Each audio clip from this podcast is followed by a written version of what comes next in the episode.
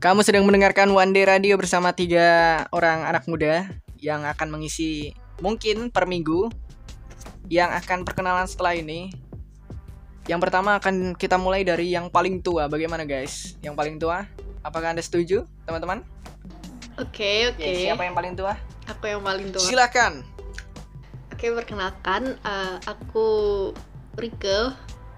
Di sini kalian bisa Biasa dipanggil Iya sih. Eh, gimana sih kalian apa aku pakai nama aku biasa apa yang Riri itu? Anaknya. nggak apa ini jadi dilanjutin aja ya guys Eh, rekamannya jadi tidak apa-apa lanjut saja Oke, oke. jadi begini lebih baik anda pakai nama anda sendiri saja jangan samar-samar nah, nanti saya pakai nama eh, binatang jangan jangan jangan dong oke lanjutkan perkenalan anda bagaimana Oke, kenalin aku yang paling tua di sini.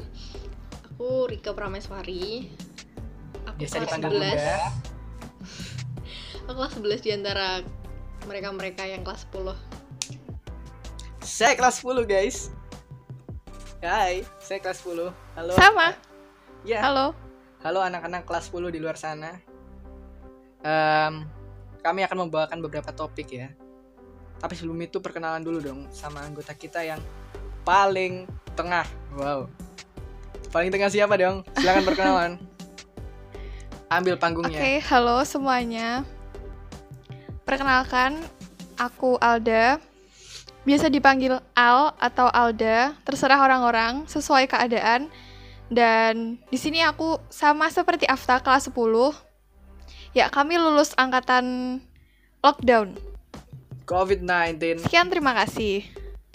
Oke, formal sekali. Saya akan memulainya dengan perkataan bahwa nama saya sudah disebutkan Alda ya. Jadi, nama saya adalah Afta dan saya adalah makhluk sosial seperti yang lainnya. Jadi, saya butuh orang lain untuk segala sesuatu yang akan saya lakukan dan akhirnya saya mengajak dua orang ini untuk bergabung membuat suatu komunitas radio bernama One Day Radio yaitu radio suatu hari.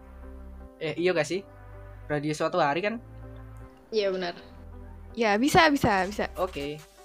Jadi, kita akan membahas karena ini siaran perdana, kita akan membahas apa, gengs? Tadi siapa supplier topik kita? Aku sih, kita bahas pertama kegiatan kita ngapain aja sih sewaktu lockdown ini sampai kita bisa menciptakan Wandi Radio ini. Oke, siapa dulu nih? Siapa dulu? Gantian dong yang paling mudah. Jadi yang tua terus. Jadi, guys, kegiatanku kalau misalnya kalian eh, mau tahu, sudah pasti kalian mau tahu dong, karena kalian pasti penasaran dengan saya. Wow.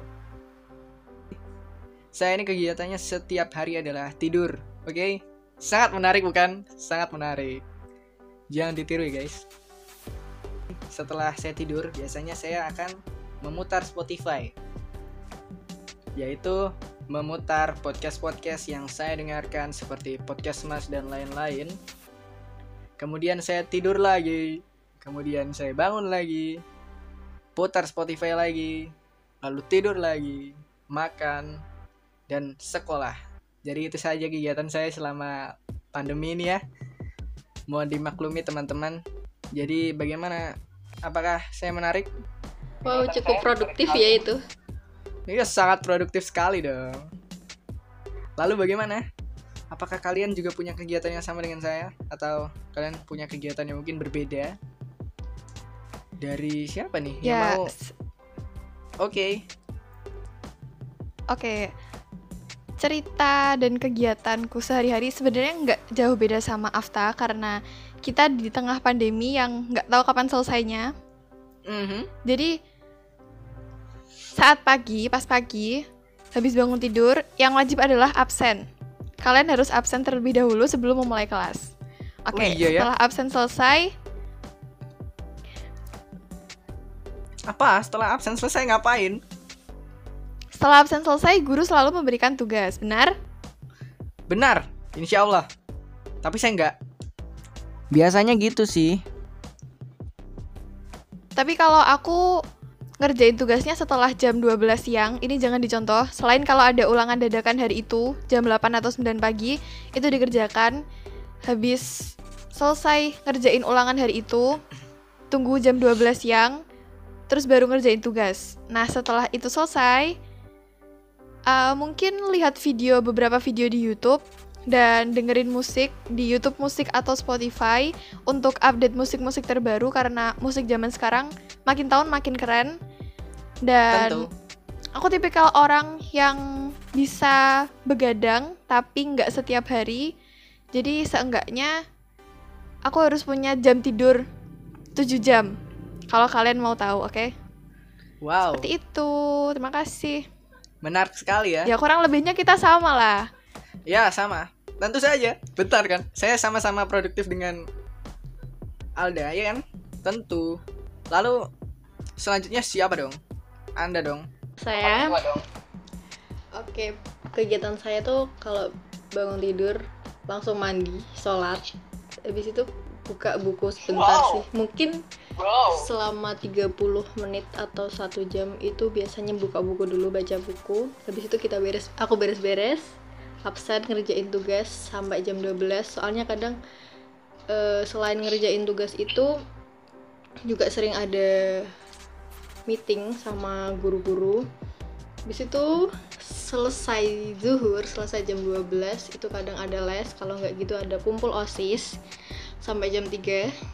Jam 3 pulang, istirahat, kembali ke produktivitas lagi buat belajar. Wow, sangat bermanfaat. Gitu. Padat sekali, seperti orang kantor. Tentu saja. Tapi, saya melihat sesuatu yang sangat berbeda di eh, antara kita ya. Eh, terlepas dari kegiatan-kegiatan seperti tidur, makan, dan lain sebagainya. Kita punya perbedaan yaitu adalah eh, cara sekolah memberikan pelajaran. Iya benar. Kalau misalnya di tempat saya ya di tempat saya yang tidak akan saya sebutkan namanya jadi misalnya itu sistem pekerjaannya adalah em, diberikan tuh deadline misal seminggu. Nah itu bisa dikerjakan sampai kapan pun asalkan lolos pas desa- pas em, deadline itu. Jadi deadline-nya misalnya hari minggu kamu diberi tugas hari senin nah itu waktunya seminggu. Jadi kalau saya begitu. Jadi kebiasaan mengerjakan tugas itu jam 9 malam sampai jam 2 pagi karena itu adalah jam paling produktif di saya bagaimana dengan anda Kalau saya sih deadline-nya bener-bener aduh mepet banget ya. Jadi biasanya ada pelajaran jam 7, deadline-nya nanti bisa-bisa jam 12 harus udah selesai harus udah ngumpulin. Kalau belum ya nanti namanya bisa dicantumin di grup kelas. Auto malu dong nggak? Ini kenapa belum ngumpulin gitu. Mending ya Ya. udah ngerjain jadi multitasking ada Google Meeting sama guru juga ngerjain tugas dari guru yang lain gitu biasanya lalu anda ada Kalau aku sendiri FYI, kalau kalian pengen tahu dan pengen dengar, mata pelajaranku ada 20. wow Jadi Aduh, selama motor. satu minggu, selama satu minggu kita cuma ada pertemuan satu hari tiap satu mapel kecuali matematika. Itu ada Ah. waktu khusus yaitu dua hari. Nah, kalau untuk deadline-nya sendiri, cuma ada satu guru mata pelajaran yang kasih deadline hari itu harus dikumpulin. Selainnya dan selebihnya, guru-guru itu kasih deadline satu minggu, kurang lebih. Kalau cara aku sendiri ngerjain tugas itu, eh, terserah aku mau ngerjainnya kapan dari Senin atau Sabtu. Intinya, di hari Minggu itu adalah hari bebas di mana aku nggak ngerjain tugas sama sekali. Gitu. ah isi isi kalau saya kalau saya itu hari Sabtu Minggu udah kosong tidak ada tugas sama Kayak hari sih sebenarnya gitu juga. Tapi kadang ada aja guru yang kayak ngasih tahu info kalau buat minggu depan ada ulangan harian ada ini itu gitu. Jadi nggak Ya, tenang benar sebenarnya. liburan kok nggak tenang.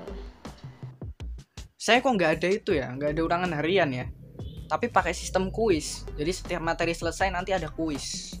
Kuisnya bisa dua kali terus bisa ada pretest post test begitulah aku juga ada sih tapi kadang kadang aja ada beberapa guru yang pakai sistem itu kadang ada juga yang enggak Ah, I. Jadi, berarti kan kita ini sama-sama pelajar di negara yang sama, tapi dengan cara pengajaran yang berbeda-beda. Apakah menurut kalian nih, pelajaran di era seperti ini dengan menggunakan sistem daring ini efektif apa enggak? Apakah ada punya keluhan-keluhan atau ya begitulah? Bagaimana? sebenarnya ada dua sisi sih kalau saya kalau sisi efektifnya sih sebenarnya efektif sih buat ngejar materi-materi yang dulu belum pernah paham atau belum nggak paham sama sekali justru malah banyak kan waktu yang tersisa buat nambah-nambah materi sendiri buat belajar sendiri. Apalagi persiapan buat SNMPTN, SBMPTN, TBK itu kan perlu banyak banget persiapan. Jadi bisa banget buatin uh, buat waktu tambahan gitu kalau daring ini. Tapi kalau nggak efektifnya mata sih di mata. Jadi ada keluhan lagi kalau di mata. Oke berarti keluhannya di mata ya kalau anda dah apakah anda punya keluhan? Kalau tingkat keefektifan itu sama sama yang dibilang sama Mbak Dika tadi kita jadi punya lebih banyak waktu buat explore diri sendiri sebenarnya asal pinter-pinter bagi waktu.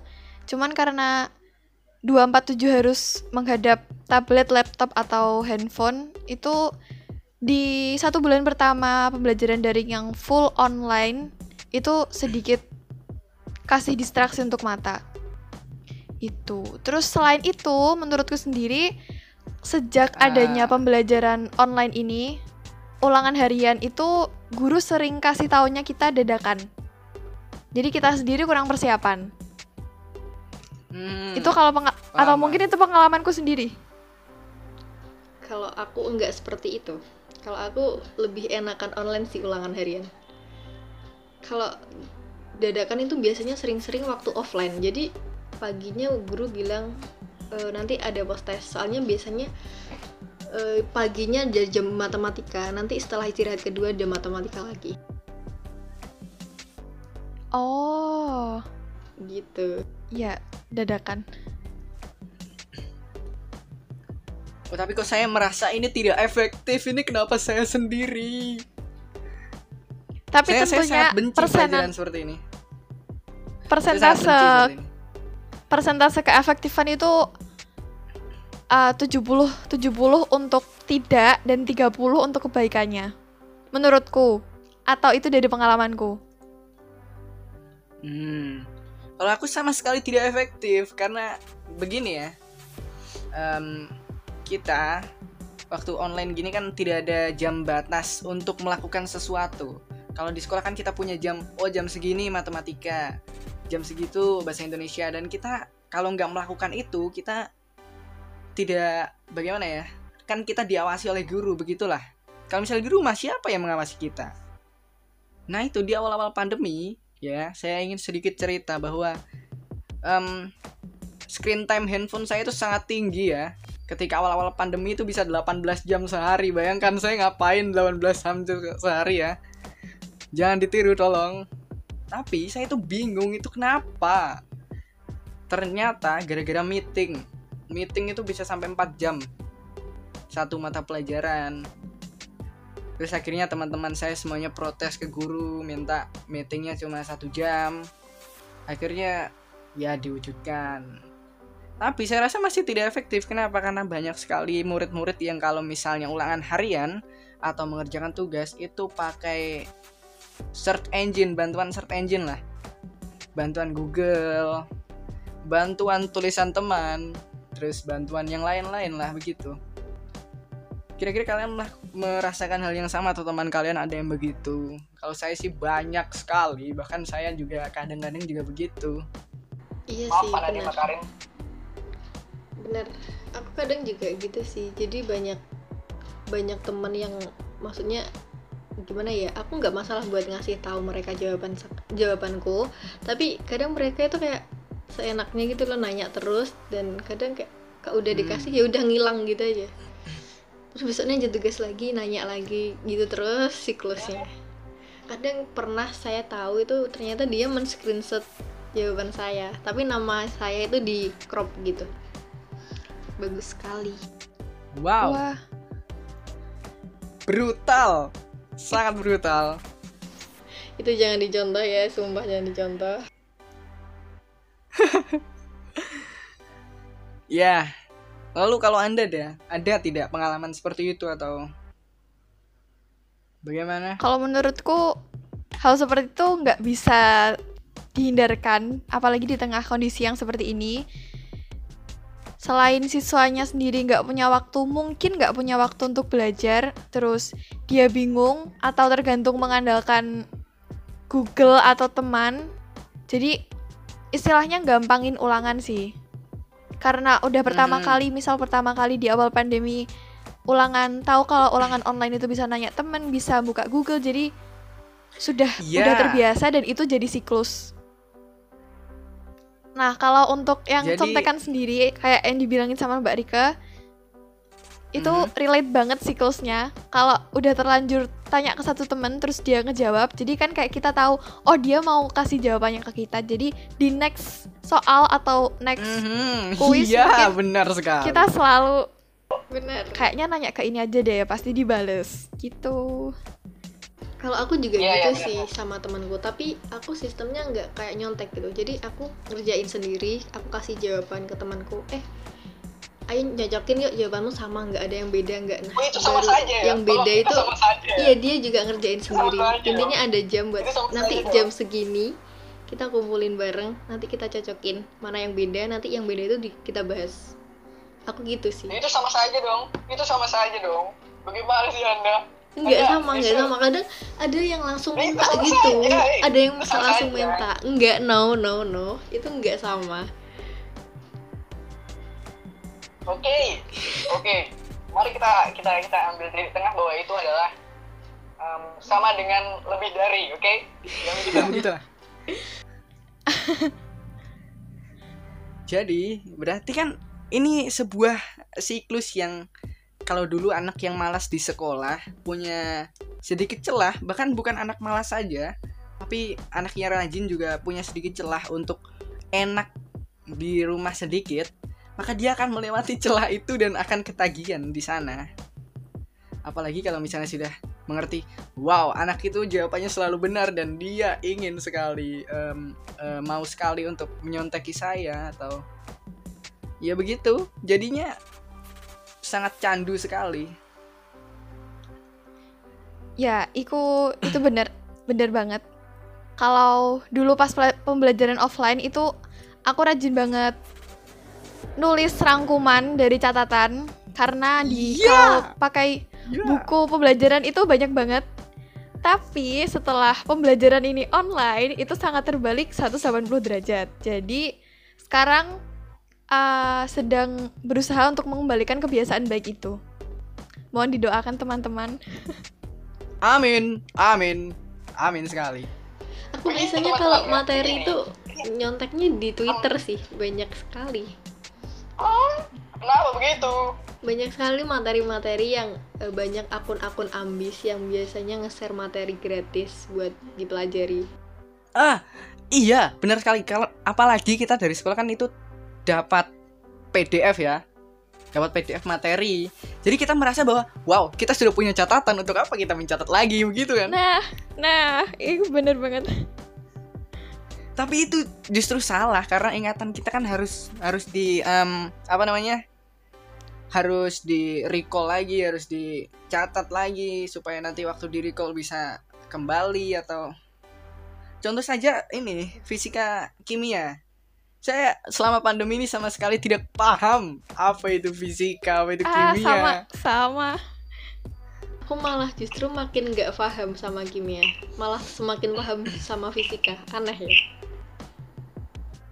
Ah, kalau aku justru itu apa pelajaran yang kayak em, bahasa Indonesia, bahasa Inggris, yang ada komunikasi gitu malah paham. Tapi kalau misalnya fisika yang dijelaskan kayak, oh ini F sama dengan apa, oh ini A sama dengan apa, oh ini sama dengan ampere atau ya begitulah. Itu malah justru saya ini apa ini? Apalagi kita tahu kan itu apa namanya? eh, di setiap daerah Indonesia itu nggak selalu punya jaringan yang bagus. Iya nggak sih? Iya benar. Iya bener. Dan kadang ketika guru menjelaskan itu nge-lag, saudara-saudara nge-lag. Jadi di satu materi nge-lag, gurunya menjelaskan apa kita tidak tahu, tapi begitu ditanya, saat kita tidak menjawab, maka disimpulkan bahwa membolos atau bagaimana begitu. Padahal Tidak ya, memperhatikan jaringan. materi. Aha, benar. Bagaimana ya? Wow, so, em, kayak pandemi ini udah kayak fenomena yang kita rasa kita sudah terbiasa ya selama hampir berapa setahun, hampir setahun, sudah setahun, sudah setahun. Ya bulan bulan depan bulan depan Corona ulang tahun di Indonesia perdana satu tahun pertamanya. Iya, ya. Oke. Satu tahun yang patut untuk dirayakan. Mari kita keluar dan melepas masker. Eh jangan, jangan teman-teman, jangan. Jangan ditiru, jangan. Oke, corona ini masih ada teman-teman. Tolong, tolong jaga kesehatan dan ya lakukan apa yang dianjurkan oleh pemerintah ya. Jangan menentang karena kita orang awam ya. Kita tidak tahu apa yang terjadi di luar sana. Em, ini saya rasa saya sudah bagaimana ya sudah pasrah lah kapan mau selesainya kalau kalian gimana Sama, tidak terlalu berharap seberapa cepat pandemi ini akan selesai karena pakai masker saat keluar rumah itu sudah jadi kebiasaan. Dan kalau nggak pakai masker merasa berdosa. Itu aku. iya iya Jadi apalagi dengan datangnya vaksin ini, orang-orang di Indonesia terutama mereka terlalu meringankan ah kan udah ada vaksinnya. Jadi ya kita bisa keluar seperti awal sebelum ada pandemi. Itu itu sih yang Iya, buat iya, iya. aku pribadi sedih. Dan kasusnya makin nambah. Jadi teman-teman karena adanya vaksin ini bukan berarti corona sudah selesai, sudah tamat di Indonesia. Karena kita tidak pernah tahu kapan uh, jadwal kita divaksin. Seperti itu. Iya iya benar benar benar banget. Em, apalagi itu ya orang-orang udah banyak yang kayak oh kita udah ada vaksin jadi ya udahlah kita keluar saja nanti pasti sudah bisa diobati dong. Padahal ya vaksin itu kan gunanya untuk mencegah ya. Bagaimana lagi? Oh iya kalau kita mm, membicarakan tentang COVID dan sekolah-sekolah daring yang sudah tidak karuan susahnya tentu kita punya mood booster. Wow, ini bridging ini teman-teman. Jadi, em, tentu kita punya mood booster dari musik. Musik nih, kita ngomongin musik. Karena ini radio. Kalau tidak ada musik namanya bukan radio dong. Bener banget tuh. Iya. Kira-kira nih musik apa nih yang sering banget diputer pas masa-masa pandemi COVID-19 ini? Baik itu playlist atau apa pun, boleh dibagikan teman-teman. Siapa dulu? Tidak ada. Halo. Siapa yang mau membagikan dulu? Membagikan, Mem- membagikan.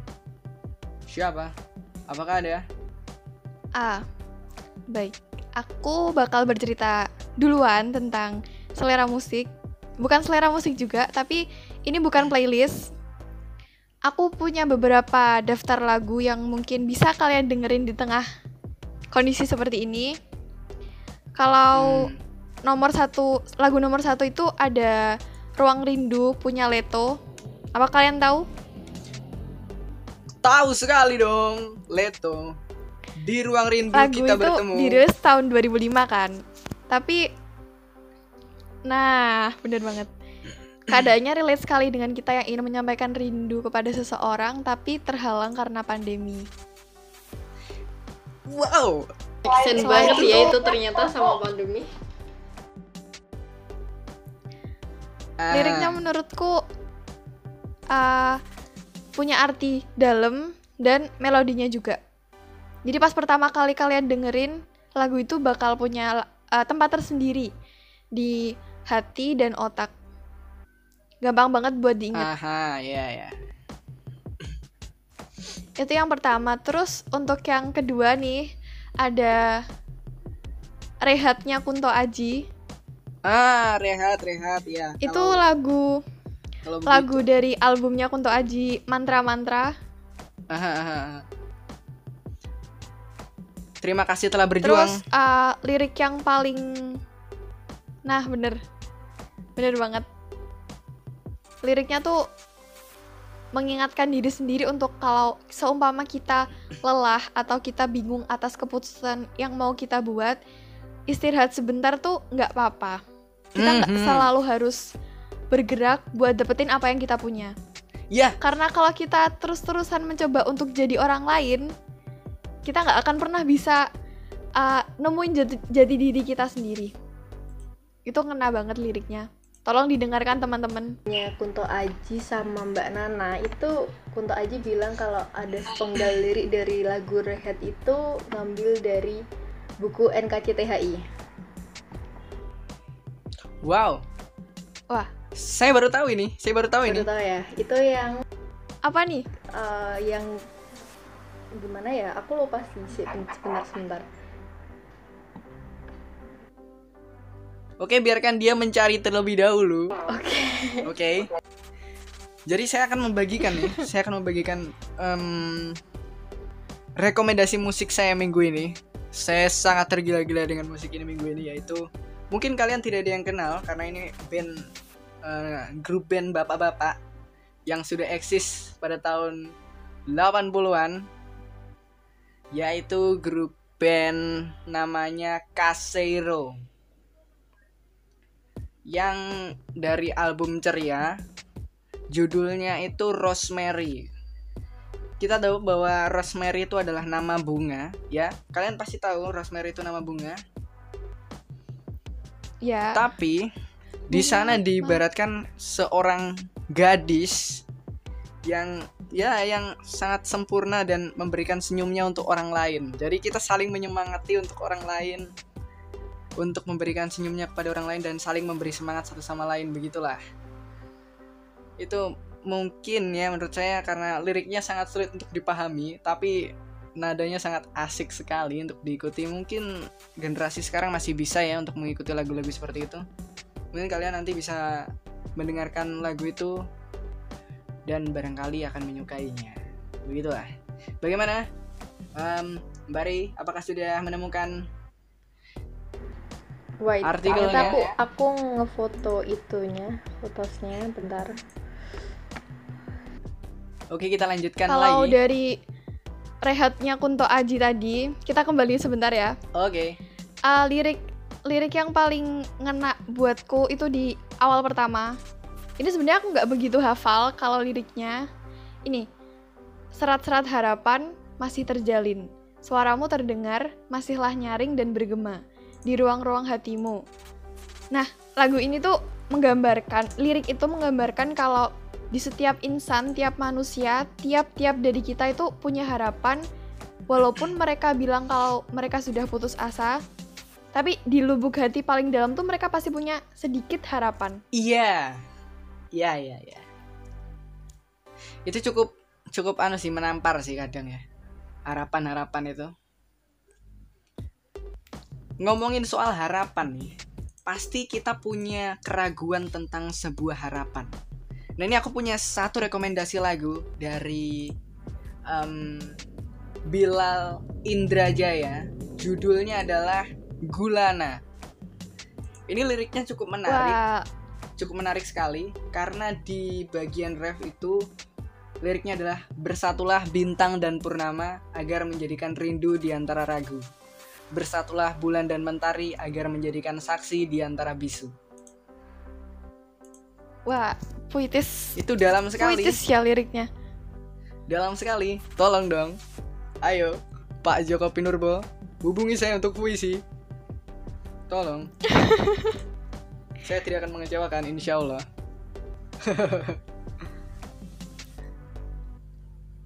Ini sangat terngiang-ngiang. Bersatulah bintang dan purnama agar menjadikan rindu di antara ragu.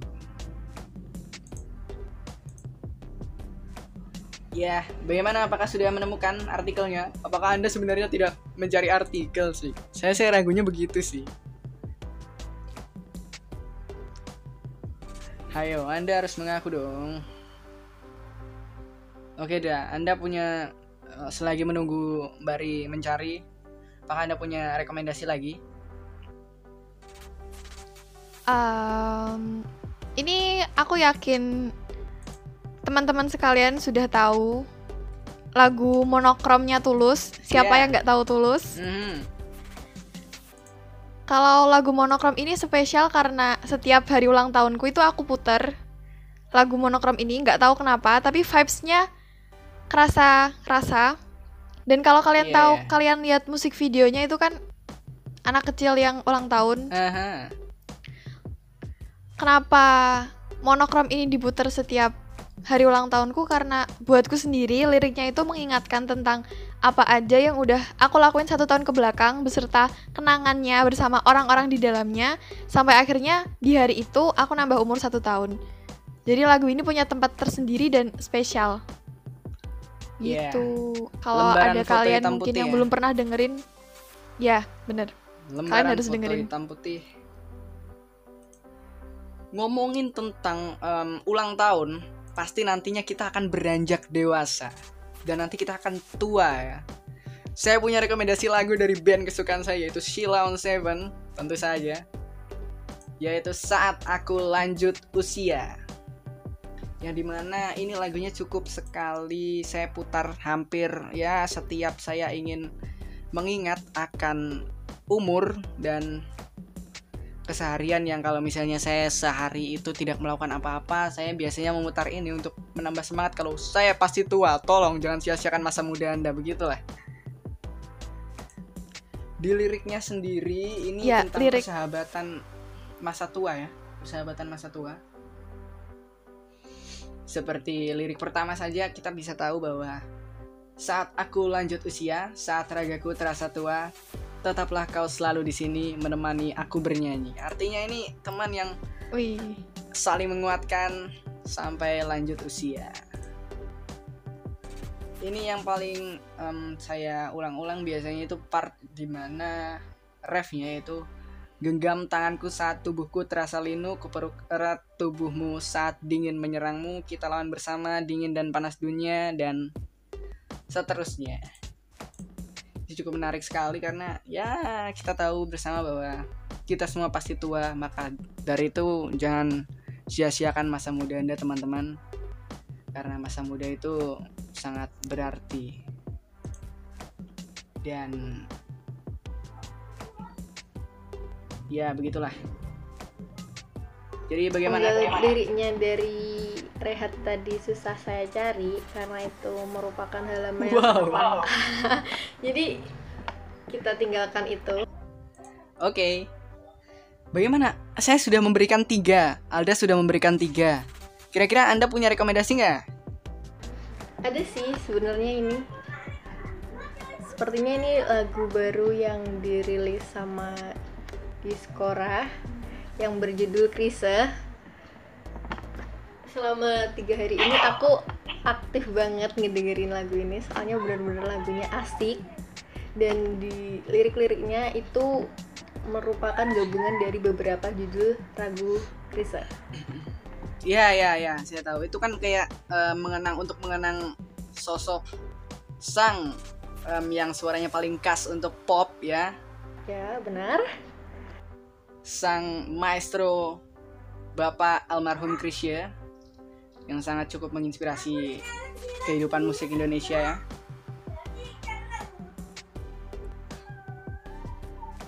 Jadi apa lagi nih? Masa cuma itu aja sih? Kita udah tiga loh. punyanya Kunto Aji yang pilu membiru Ya, itu bagus video klipnya. wah bener-bener Dulu masuk trending seminggu tahu nggak sih? keren banget tuh kalau lagi kalian lagi ada masalah coba dengerin resapi bayangin kalian ada di posisi seperti lagu itu beneran nangis aku nangis Tenangkan hati. Semua ini bukan salahmu. dalam sekali Mas Kunto Aji. I love you. Apakah punya rekomendasi lagi? Saya pas saya pastikan Anda pasti punya lagi. Karena Anda ini sangat banyak sekali musiknya. Apa nih? Ada lagi nggak? Sebentar. Saya mau ngecek playlist di Spotify saya. Oh, I see. Saya eh, setelah menyelesaikan drama Korea True Beauty, akhirnya saya kecanduan Oke. sama lagunya Wah, I'm Missing You. Aha, saya tidak tahu, tolong dong. Siapa jelaskan? Saya bukan fans drakor. Apa nih, ada nggak?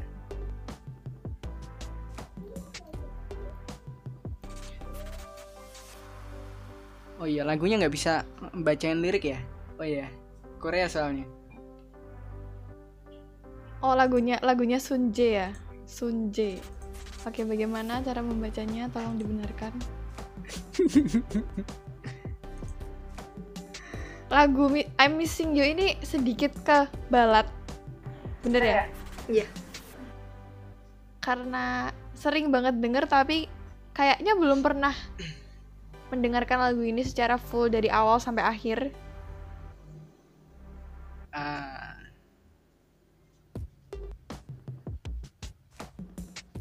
Iya sih.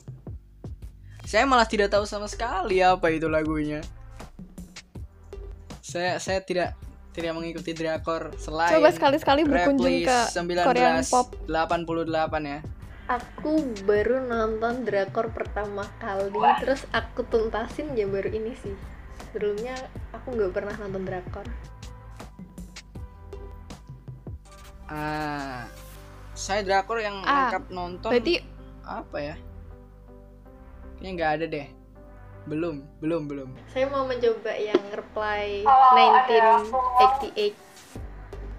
1988 itu Mhm. wajib wajib wajib harus dicoba wajib Iya, Anda juga menulisnya di blog. Ya, saya tahu Anda sangat menyukai itu. yap Oh iya. karena mengenai itu drama meskipun ditonton tiga kali dari awal episode sampai episode terakhir Tapi itu banyak ya episodenya 20 episode lah itu. Ya tapi satu episode itu nggak kerasa. Saya, Iya, saya sudah lihat, saya sudah membuktikan Iya, ya. pendapat. Saya sudah membuktikan. Satu episodenya nggak kerasa. Asli. Jadi cukup lah kalau misalnya menemani masa-masa pandemi gini ya cukup banget. Udah motor. Kenapa rumah saya banyak sekali motor? Tolong teman-teman. Enak dong rame kalau di rumahku mah sepi. Oke. Rumah Anda di tengah pemakaman atau bagaimana sih? Apa tidak ada suara motor sama sekali? Ya deh. Apakah Anda tadi mendengar suara motor? Tidak. Sama sekali.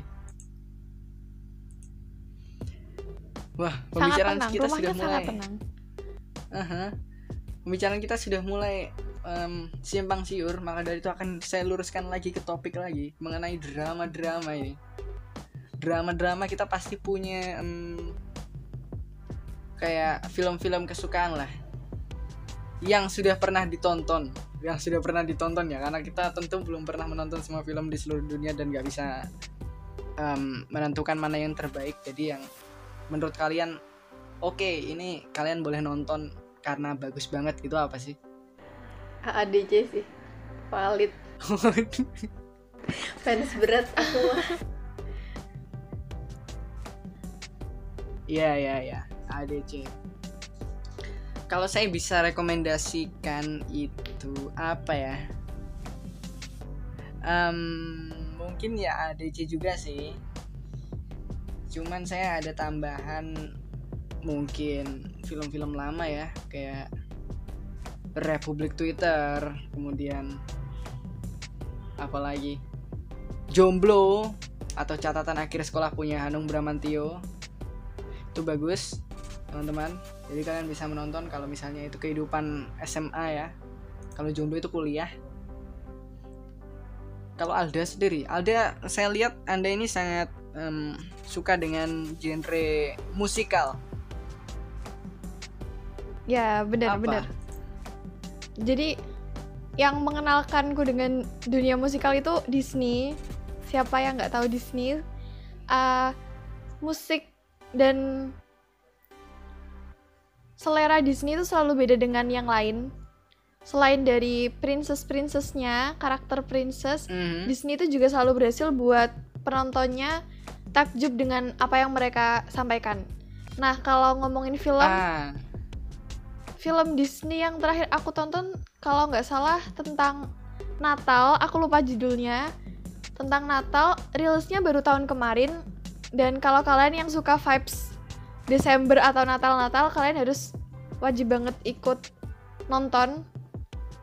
mhm. Kalau dari genre musikal sendiri, High School Musical The Series yang keluar tahun 2019 dan tahun ini kabarnya bakal ada season 2-nya. Mereka udah selesai Wow. produksi dan tahun ini tinggal tinggal keluar. Kalian bisa nonton di Disney Plus Hotstar juga yang di Indonesia. Ka ngomongin tentang seriesnya High School Musical ini, awalnya mereka dibentuk film sekitar tahun Hmm. 2005 atau 2007. Terus Iya. akhirnya berkembang sampai dibuat seriesnya di tahun 2019. Kalau kalian yang suka dengan uh, dunia musikal, kalian wajib banget nonton ini. Hmm, ya, Ceritanya ya. ringan. Ya, dari kalau misalnya dilihat dari judulnya ya High School Musical ya. Bener?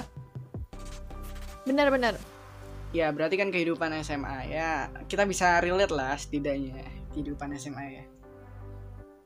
Saya mau ngasih rekomendasi lagi nih dari mm, filmnya Mas Angga Dwi Mas Songko karena saya em, cukup suka dengan film beliau yaitu Filosofi Kopi 1, 2 dan akan 3.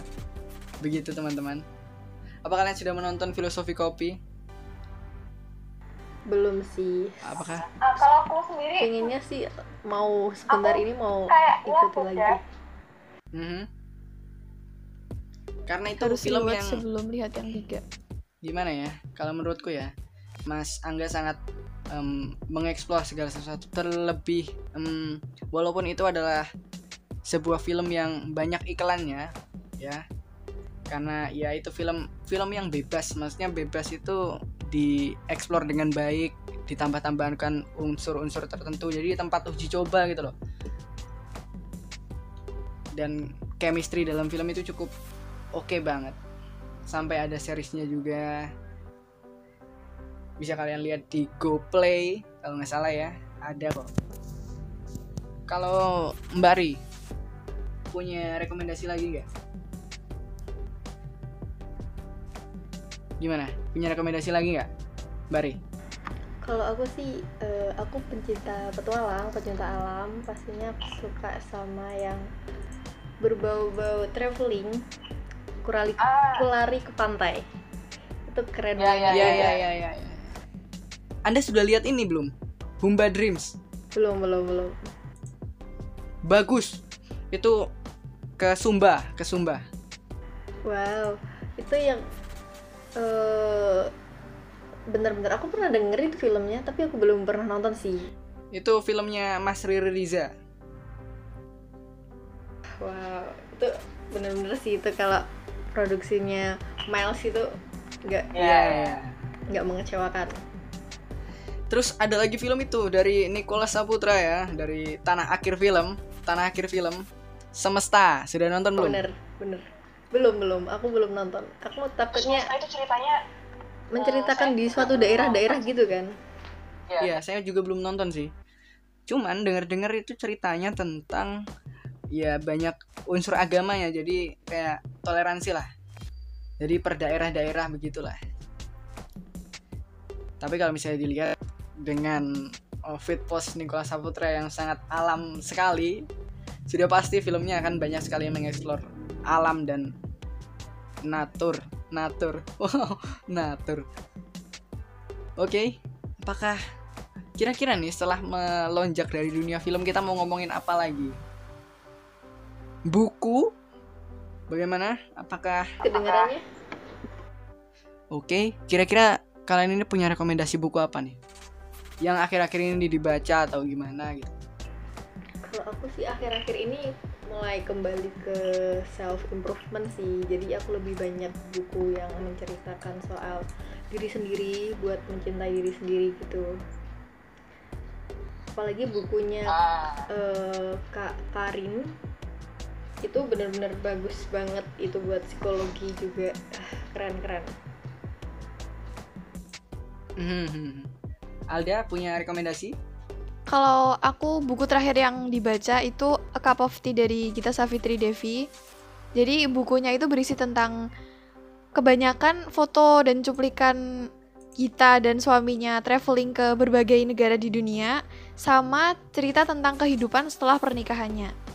Terus untuk kalian yang Ya. mungkin punya target juga untuk traveling atau keliling dunia, kalian bisa banget baca bukunya A Cup of Tea ini karena ada beberapa tips yang kita bagikan juga tentang gimana cara dia nabung dan ngatur waktu dengan pekerjaan atau mungkin ke urusan lain. Kalian harus baca A Cup of Tea dari Gita Savitri ini. Kalau Afta gimana nih? Apa Ah. rekomendasi buku? Saya baru kemarin pinjem buku di Ipusnas. Bukunya Pidi Baik. Em, Wah. Abu Naswah. Bukunya Pidi Baik judulnya Abu Naswah. Em, dia mengangkat tema kerupuk ya. Temanya kerupuk. Di dalam itu isinya kayak quotes, tapi quotesnya itu dibagi-bagi kayak ini untuk kehidupan, ini untuk kemanusiaan, ini untuk hewan, ini untuk ketuhanan begitulah. Saya belum selesai baca karena halamannya aja 273 kalau nggak salah. Terlalu panjang untuk buku quotes tentu saja. Keren loh biasanya. Iya, mungkin untuk yang suka PD baik silahkan boleh membaca lah. Mungkin kalau yang mau mencoba, oh PD baik itu seperti apa silahkan dan membaca. Terus akhir-akhir ini aku juga baca itu sih, Balada si Roy, yang Wah. Joe yang pertama, yang akan dibikin film dari eh, Bapak Golagung yang dulu pernah merajai ya mungkin atau buku hits di masanya Balada si Roy itu bagus kalian boleh ya mungkin mengisi waktu luang bisa lah membaca buku itu. Kalian ada rekomendasi lagi atau itu aja mungkin?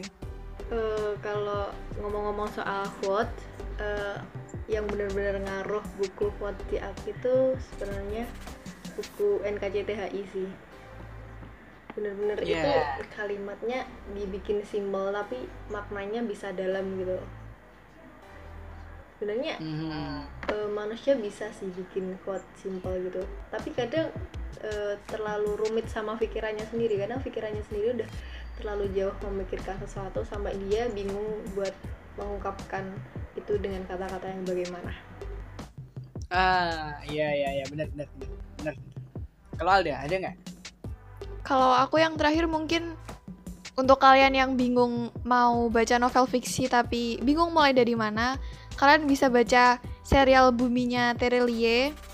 Jadi Hmm. buku itu udah banyak banyak sequelnya dan ceritanya sebenarnya nyambung satu sama lain tentang dunia paralel dan persahabatan antara tiga orang yang sama-sama misteriusnya.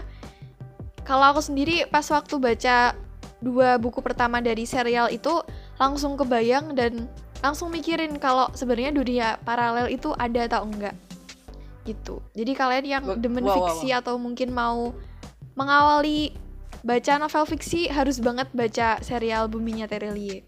Itu sih dari aku. Mhm. Jadi mengenai eh, paralel, dunia paralel, apa kita akan membahas dunia paralel malam hari ini? Wah. Sepertinya belum siap nih dengan teori masing-masing. Iya. Sepertinya terlalu panjang atau mungkin kita nanti di balik kamera aja, ya. di balik kamera, di balik rekaman ini mungkin kita akan berdiskusi tentang dunia paralel. Kita juga tidak tahu. Mungkin teman-teman yang em, mau hmm, apa ya? menyumbangkan topik atau mungkin seterusnya kita bakalan kayak gini ya. Jadi santai aja ngobrol dan membawa topik-topik yang mungkin update terbaru atau membahas sesuatu yang anak muda banget lah pokoknya. Ya walaupun kita nggak bisa melabel di kita sebagai anak muda yang anak muda banget, tapi setidaknya ya beberapa anak muda bisa lah kita wakili ya nggak? Wah iya dong, bener. Bener banget. Oke kali gitu aja kali ya. Oke. Udah panjang nih berapa nih? Udah satu jam loh guys. Oke gini aja kali ya. Oke terima kasih telah mendengarkan teman-teman. Selamat pagi, selamat siang, selamat sore, dan selamat malam. Terima kasih. Bye. Bye. Bye.